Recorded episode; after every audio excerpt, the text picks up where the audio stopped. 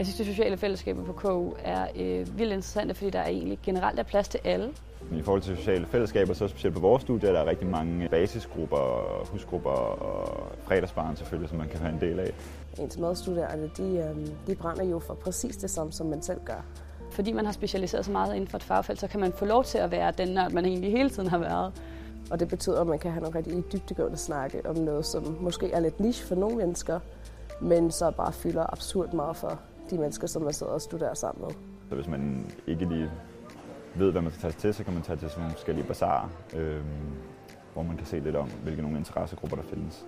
Og det er bare rigtig fedt. Det er helt familieagtigt. Uh, det er overhovedet ikke sådan, det er bare at gå i gymnasiet. Og så er der også bare mange forskellige fællesskaber, så der er, altså, vi har revyer for dem, der synes, at det kunne være fedt at lave teater. Du har mulighed for at deltage i fagrådet, du har mulighed for at have en stemme med i rigtig mange ting.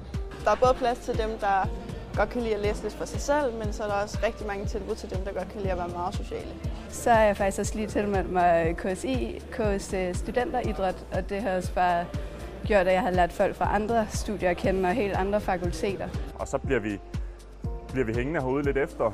Jeg er selv en del af fodboldholdet. Så hygger med mine venner og drikker en kop kaffe. Så man bliver sådan man bliver rigtig hurtigt venner, og man bliver rigtig hurtigt næsten en helt lille familie derinde. Også underviserne og ens tutor, ens medstuderende. Alle kender alle, og alle er super søde mod hinanden også.